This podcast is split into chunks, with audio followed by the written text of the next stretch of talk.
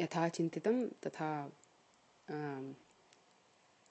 अन्तर्जाले दृष्ट्वा अर्थं यथा अवगतं तथा वदामि। दोषाः वर्तन् दोषाः सन्ति चेत् कृपया परिष्क्रियताम्। अस्मिन् श्लोके यत् द्वितीयाविभक्तौ द्वितीया एकव द्वितीयाविभक्तौ एकवचने स्थितानि सर्वाणि पदानि विनायकस्य विशेषणा विशेषणानि एव।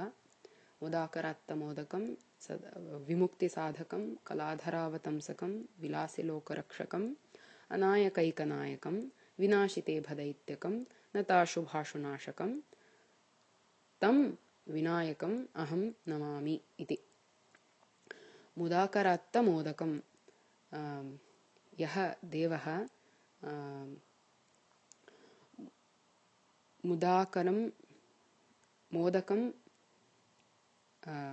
स्वस्मिन् हस्ते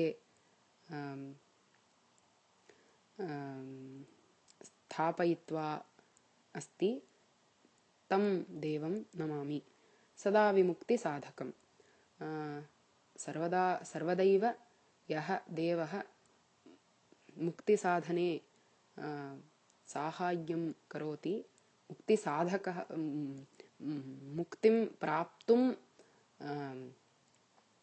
यः देवः शरण्यः सः सदा विमुक्तिसाधकं कलाधरावतंसकं यस्य देवस्य शिरसि चन्द्रकला अस्ति चन्द्रकला विभूषणरूपेण भूषणरूपेण अस्ति सः चन्द्रकलाव चन्द्र कलाधरावतंसकम् अवतंसकं नाम भूषणम् इति तथा विलासि लोकरक्षकं लोकरक्षणं तस्य देवस्य विलासमिव भाति इति अनायकैकनायकं ये सर्वे अनायकाः सन्ति तेषां स एव नायकः। अनायकः अनायक एकनायकं। स एव नायकः। विनाशितेभदैत्यकं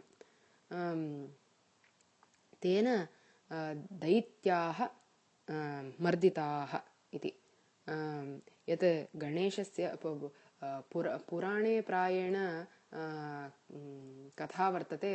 यथा गजासुरस्य शिरं नीत्वा एव महादेवः विनायक विनायकस्य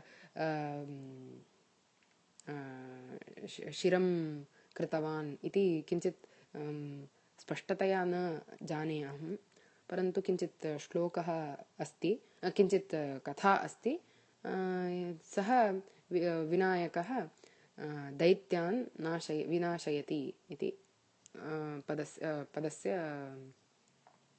अर्थः नताशुभाशु नाशकं नत अशुभ आशु नाशकं यः ये सर्वे तं देवं स्तुवन्ति तेषाम् अशुभम् आशु शीघ्ररूपेणैव नाशं करोति तं देवं विनायकं नमामि इति